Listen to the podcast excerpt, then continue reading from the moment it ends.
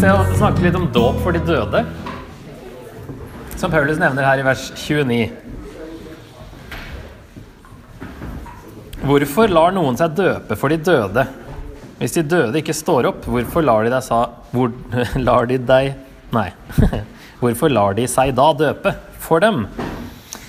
Eh, det her er jo et viktig vers for mormonerne, for de praktiserer vel noe sånn dåp for de døde som Og det er jo en sånn stedfortredende dåp som eh, jeg har eh, Det er to, to tolkninger her som jeg har funnet, egentlig.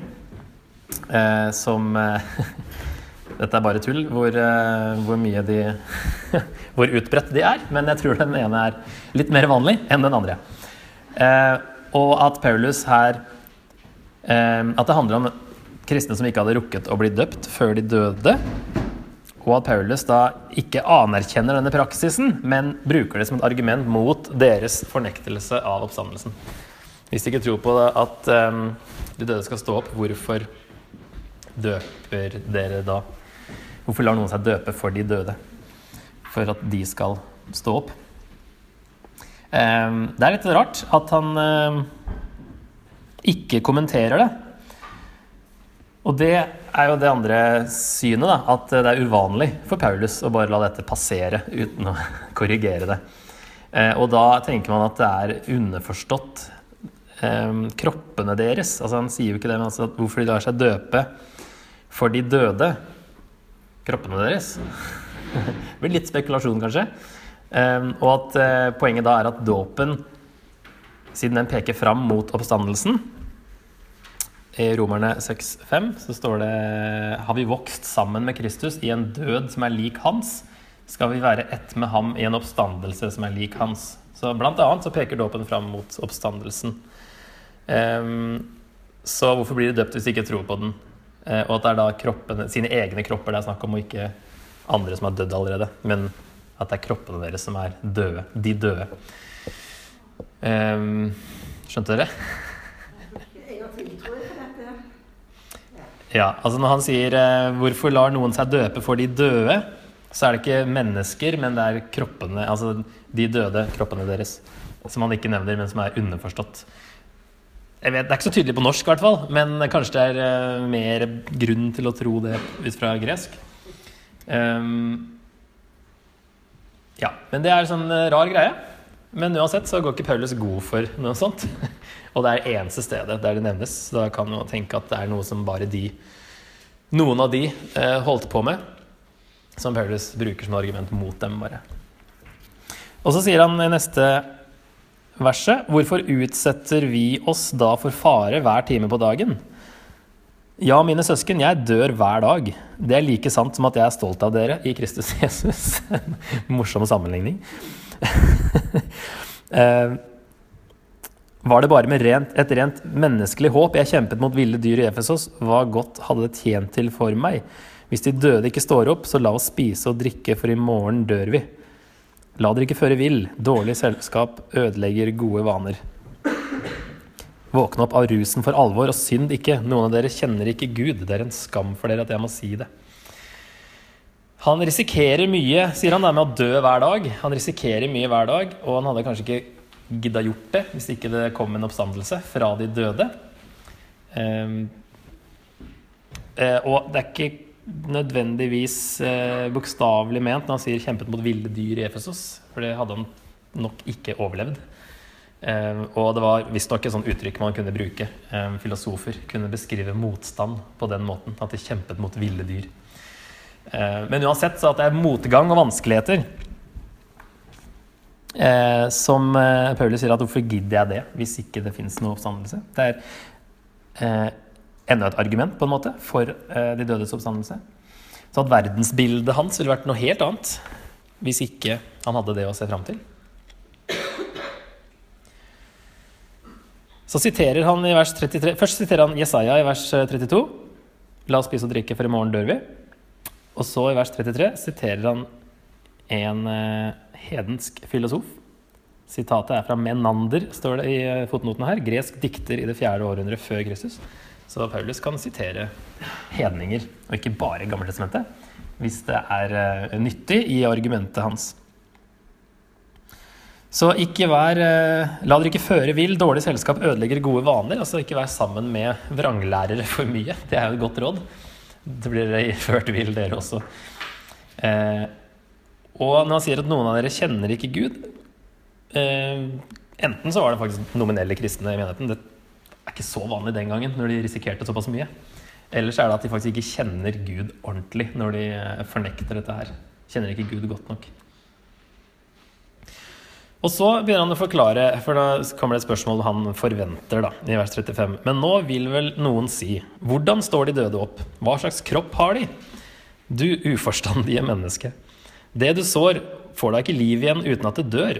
Og det du sår, er jo ikke den planten som kommer opp, men et nakent korn av hvete eller et annet slag. Gud lar det få den skikkelse som han vil, hvert enkelt slag for sin egen skikkelse. Ikke alt kjøtt er av samme slag. Det er ett slag hos mennesker, ett hos fe, ett hos fugl og ett hos fisk. Og det finnes himmelske kropper og jordiske kropper. De himmelske har én glans, de jordiske en annen. Én glans har solen, en annen har månen, og en annen igjen har stjernene. Ja, én stjerne skiller seg fra en annen i glans. Slik er det også med de dødes oppstandelse. Det blir sådd i forgjengelighet, det står opp i uforgjengelighet. Det blir sådd i vanære, det står opp i herlig glans. Det blir sådd i svakhet, det står opp i kraft. Det blir sådd en kropp som hadde sjel, det står opp en åndelig kropp. Om det finnes en kropp med sjel, finnes det også en åndelig kropp. For slik står det skrevet, det første mennesket, Adam, ble en levende sjel. Den siste Adam ble en ånd som gir liv. Det åndelige var altså ikke det første, men det sjelelige. Deretter kom det åndelige. Det første mennesket var fra jorden og skapt av jord. Det andre mennesket er fra himmelen. Slik det første jordiske mennesket var, slik er også de andre jordiske. Og slik den himmelske er, slik skal også de himmelske være. På samme måte som vi har båret det jordiske menneskets bilde, skal vi også bære den himmelskes bilde. Men det sier jeg, søsken, kjøtt og blod kan ikke arve Guds rike, og det forgjengelige skal ikke arve uforgjengelighet. Her var det mye. Men han sammenligner jo da i hovedsak eh, den jordiske kroppen og den himmelske kroppen der den jordiske eh, er forgjengelig.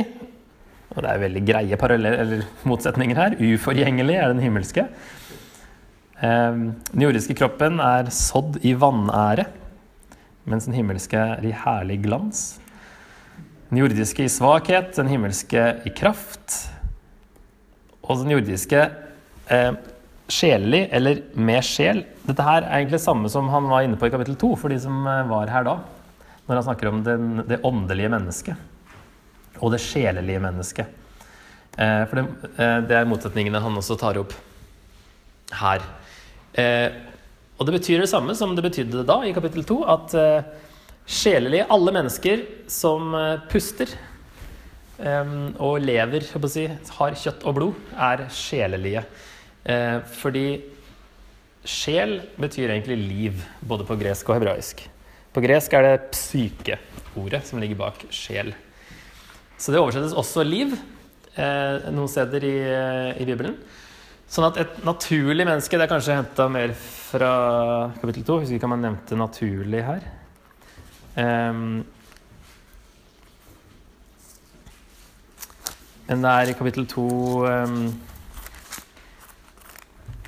I vers eh, 14 så har de oversatt her slik menneskene er i seg selv. Vil si et helt naturlig menneske. Men egentlig så ligger det bak der det sjelelige mennesket. Det står det kanskje i noen andre oversettelser. Eh, de som ikke har Guds ånd, de er sjelelige. For de har De, de lever um, Altså det, det, er sammenligning han bruker i, i kapittel 2. At de kan ikke forstå evangeliet. Slik mennesket er i seg selv, tar de ikke imot det som hører Guds ånd til. Men det mennesket som har ånden, i vers 15, det er motsetningen. Den som har Guds ånd, er ikke bare et vanlig menneske lenger. Um, så her er det det samme. Han snakker om den jordiske kroppen. Den er uh, Altså puster oksygen og har blod som frakter det rundt osv. Det er da et sjelelig menneske. Og så er vi et åndelig vi skal få en åndelig kropp, sånn som Jesus hadde. Som likevel er fysisk, tydeligvis. da. De kunne ta på Jesus, selv om han var åndelig og hadde en åndelig kropp. Så her er det forvirringen med åndelig oppstandelse osv. Og, så videre, og også hvordan vi forestiller oss evigheten. Eh, vi er kanskje vant til å tenke på en sånn veldig åndelig tilværelse, som ikke er så veldig fysisk. Men Bibelen snakker egentlig om en ny himmel og en ny jord. Og det høres veldig fysisk ut, eh, egentlig. Det er egentlig veldig fysisk. Eh, men i tida nå, fra nå, hvis du dør nå og fram til Jesus kommer igjen, og du står opp igjen, så kan det være. Eh, det er også litt sånn diffust i Bibelen, men eh, den, det er kanskje mest vanlig å tenke seg at da er vi med Gud på en åndelig måte fram til vi får kroppen eh, som skal vare i evigheten til slutt. Enten det, eller så ligger alle og sover i graven fram til Jesus kommer tilbake. Men det er vanskelig å vite. Men det er ting som tyder på Og jødene trodde jo det at du er med Gud helt til enden når du tror. Eh, så det er gode grunner for å tro det, og det er jo en fin tanke. Eh, men her, altså når vi snakker om åndelig, at vi skal få en åndelig kropp, så er det da heller sånn som at den jordiske kroppen har sitt liv ifra livspusten. Det står at når Gud blåste inn i, blåste sin eh, pust, er det det, inn i Adam i eh, Første Mosebok 2. Han blåste livspust i nesen på det, og mennesket ble en levende skapning. Der er det det hebraiske ordet for sjel som ligger bak. Han ble en levende sjel. For han begynte å puste. For Gud blåste livspust inn i ham. Så alle som puster Alle jordiske mennesker puster. Um, og er sjelelige, sånn sett. Sånn at det er det vi lever av nå, men i evigheten så skal vi leve Vi skal ha en åndelig kropp. Det vil si, trenger ikke å være en sånn uh, noe du ikke kan ta på. Tydeligvis kunne man ta på Jesus, men det er hvor du får livet fra. Hva som holder deg i live er ikke lenger livspust og blod, men det er ånden som gir deg liv. Derfor lever du evig. Så der må vi kanskje skru om litt på hvordan vi forestiller oss eh, evigheten. Sjelelig brukes òg eh, i Jakob som et eh, synonym på demonisk. Eh, den slags visdom kommer ikke ovenfra, men er jordisk og sjelelig. Ja, demonisk, står det. Det er det samme ordet som ligger bak der. Og Judas skriver i Judas 1,19.: eh, Dette er de som skaper splid. De er rent menneskelige og har ikke ånden. Der er det også da De er rent sjelelige og har ikke ånden. Så det er en veldig tydelig bruk, egentlig, uh, i Bibelen på dette ordet. Sånn at um, uh, det er fysisk. Kroppen vi skal få, er fysisk selv om det kalles åndelig. Så den sanne åndelige personen er jo en som har fått sin himmelske kropp. Da er du virkelig åndelig. Og det trodde kanskje noen av korinterne, at eh, de hadde faktisk nådd fram dit. og derfor kanskje av det, noe av det som ligger bak den oppførselen som Paulus har korrigert tidligere, med at de ikke brydde seg noe særlig om eh, fysiske synder. Kanskje tenkte at det var irrelevant nå, som jeg har fått en kropp som ikke kan synde. eller et eller annet, hadde nådd fram til enden, og Hvis de hadde et forvridd syn på oppstandelsen. Så det kan være noe av grunnen til problemet, det her også, i Korint. Eh, ja, av jord og av himmelen, altså de to siste eh, motsetningene, da ja, kjøtt og blod, når han sier det, så er det sånn uttrykk for menneskelig, menneskelighet, sånn som vi er nå. Um, ja, Så sier han fra vers 51.: Se, jeg sier dere en hemmelighet. Vi skal ikke alle sovne inn, men vi skal alle forvandles. Brått, på ett øyeblikk, ved det siste basunstøt.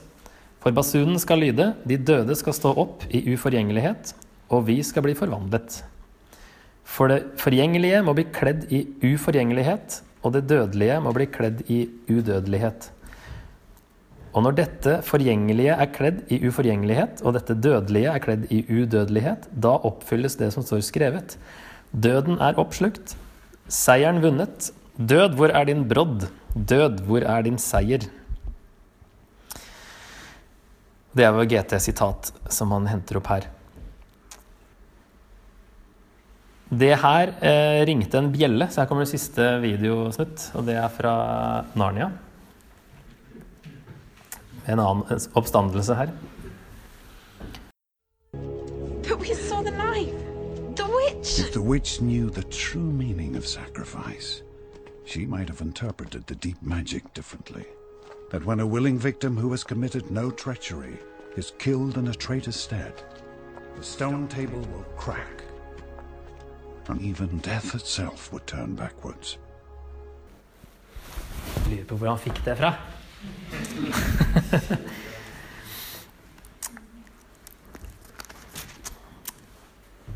um, ja. Helt på slutten her da, så sier han um, Men Gud ja, vers 56. Dødens brodd er synden, og syndens kraft er loven. Men Gud være takk som gir oss seier ved vår Herre Jesus Kristus. Eh, og den seieren som han nevner over her, seieren er vunnet. Død, hvor er din seier? Det er nok eh, det at vi får del i denne seieren når Jesus reiser oss opp igjen fra de døde. Da er vi også med på den seieren som Jesus vant. Selv om han også kan gi oss seier nå, underveis. Men det er eh, eh, nok endetidsseieren her som blir en realitet da, når Jesus reiser oss opp igjen. Eh, derfor, som en slags oppsummering på alt det her, mine kjære søsken, stå fast og urokkelig, arbeid raust og rikelig for Herren, for dere vet at i Herren er ikke deres strev forgjeves. Han begynte faktisk med 'forgjeves' i eh, vers 2 også, sier han. Hvis dere eh, ellers blir det forgjeves at dere kom til tro. Så på en måte så runder han av med å bruke det samme ordet. Det er ikke forgjeves fordi Jesus har stått opp, og dere skal stå opp. Derfor arbeid raust og rikelig er en uh, anvendelse av hele dette kapitlet.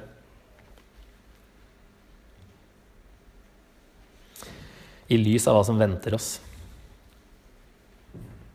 Når han snakker om det korn og sånt som uh, det du sår, får deg ikke liv igjen uten at det dør. og sånne ting. Det var sånn de snakka om om eh, såing og jordbruk den gangen. Så han, selv om det høres veldig rart ut, så er det sånn vanlig å tenke at kornet du sådde, det døde, og så ble det til en plante.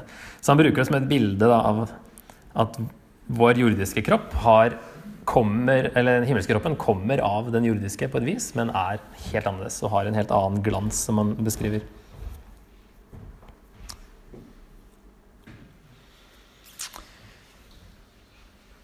Ja. Um, siden Jesus sto opp, så er budskapet vårt ikke tomt. Troen vår er ikke tom. Og den er ikke uten mening. Den er full av mening. Og det at de som har dødd i troen, ikke er fortapt, så at vi skal se dem igjen. Og vi er ikke i våre synder fortsatt. Og vårt håp til Kristus gjelder ikke bare dette livet, sier Paulus. Hvis vi begrenser oss til det, da er vi de ynkeligste av alle mennesker.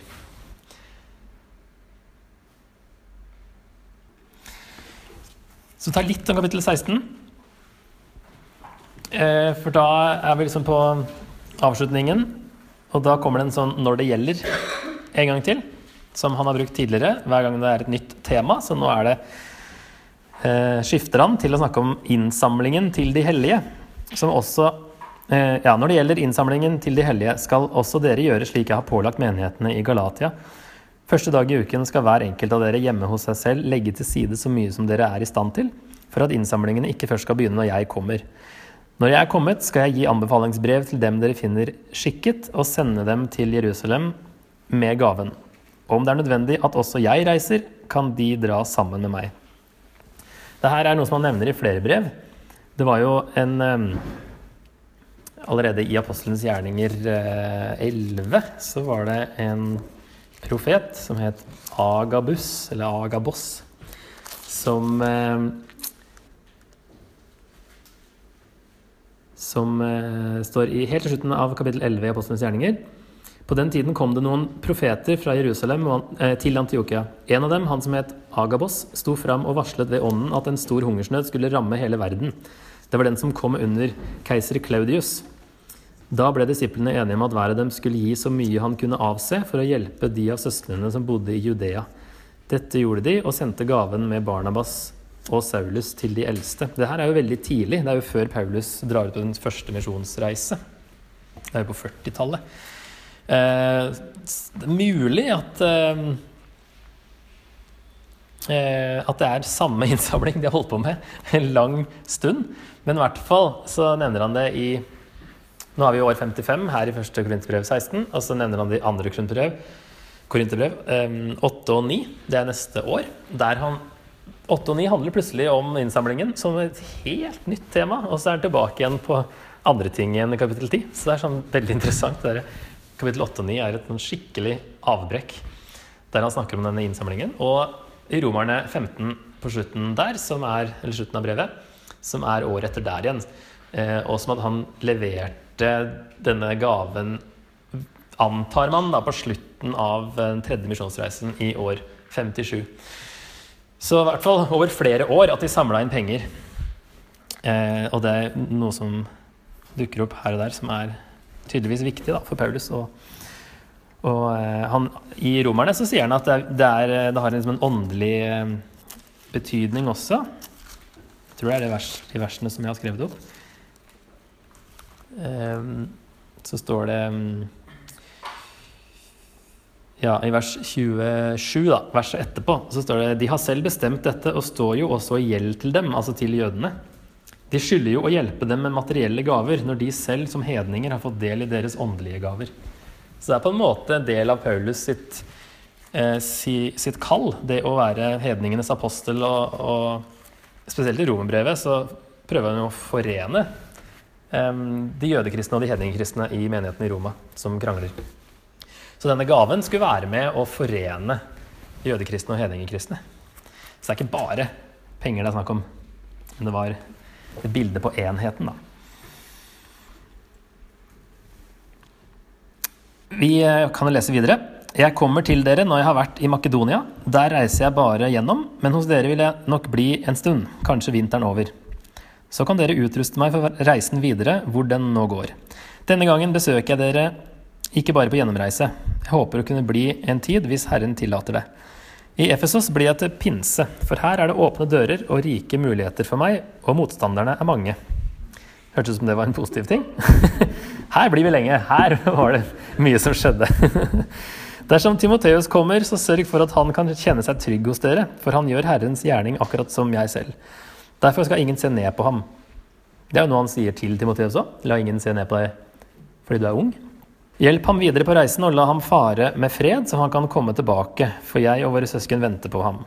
Når det gjelder vår bror Apollos, har jeg bedt ham inntrengende om å reise til dere sammen med brødrene, men han er slett ikke villig til å reise nå, han kommer så snart han får anledning. Vær våkne, stå fast i troen, vær modige og sterke. La alt dere gjør, skje i kjærlighet. Og det kan være en sånn endelig konklusjon, fordi han har jo holdt på mye med kjærlighet tidligere i brevet kan være en nøkkel til Det er en nøkkel til mye av, eh, av eh, opplegget her. Vanskelighetene og, og, problemene de har. Så jeg lagde en eh, helt useriøs graf. Der du kan se kjærligheten. Viktigheten av kjærligheten gjennom første Korinterbrev. Da har du Eh, i hvert fall I de første fire så er det splittelser det er snakk om. Eh, der, skal vi se, sånn, Det var litt mindre i kapittel to enn i de andre. Der kjærlighet tydelig er en løsning på splittelsene. At den ville ordne opp eh, i det. Et vers, eksempel eh, ja, La det ikke være splittelse blant dere, men stå sammen i syn og tanke. Det er ikke tydelig kjærlighet det er snakk om, men det ville jo selvfølgelig hjelpe. Um, ja, men han begynner liksom der. Det er ikke, det er ikke et høydepunkt, men eh, det ville ordne opp eh, der også. Så har vi i eh, kapittel fem, der er det enda litt mindre igjen.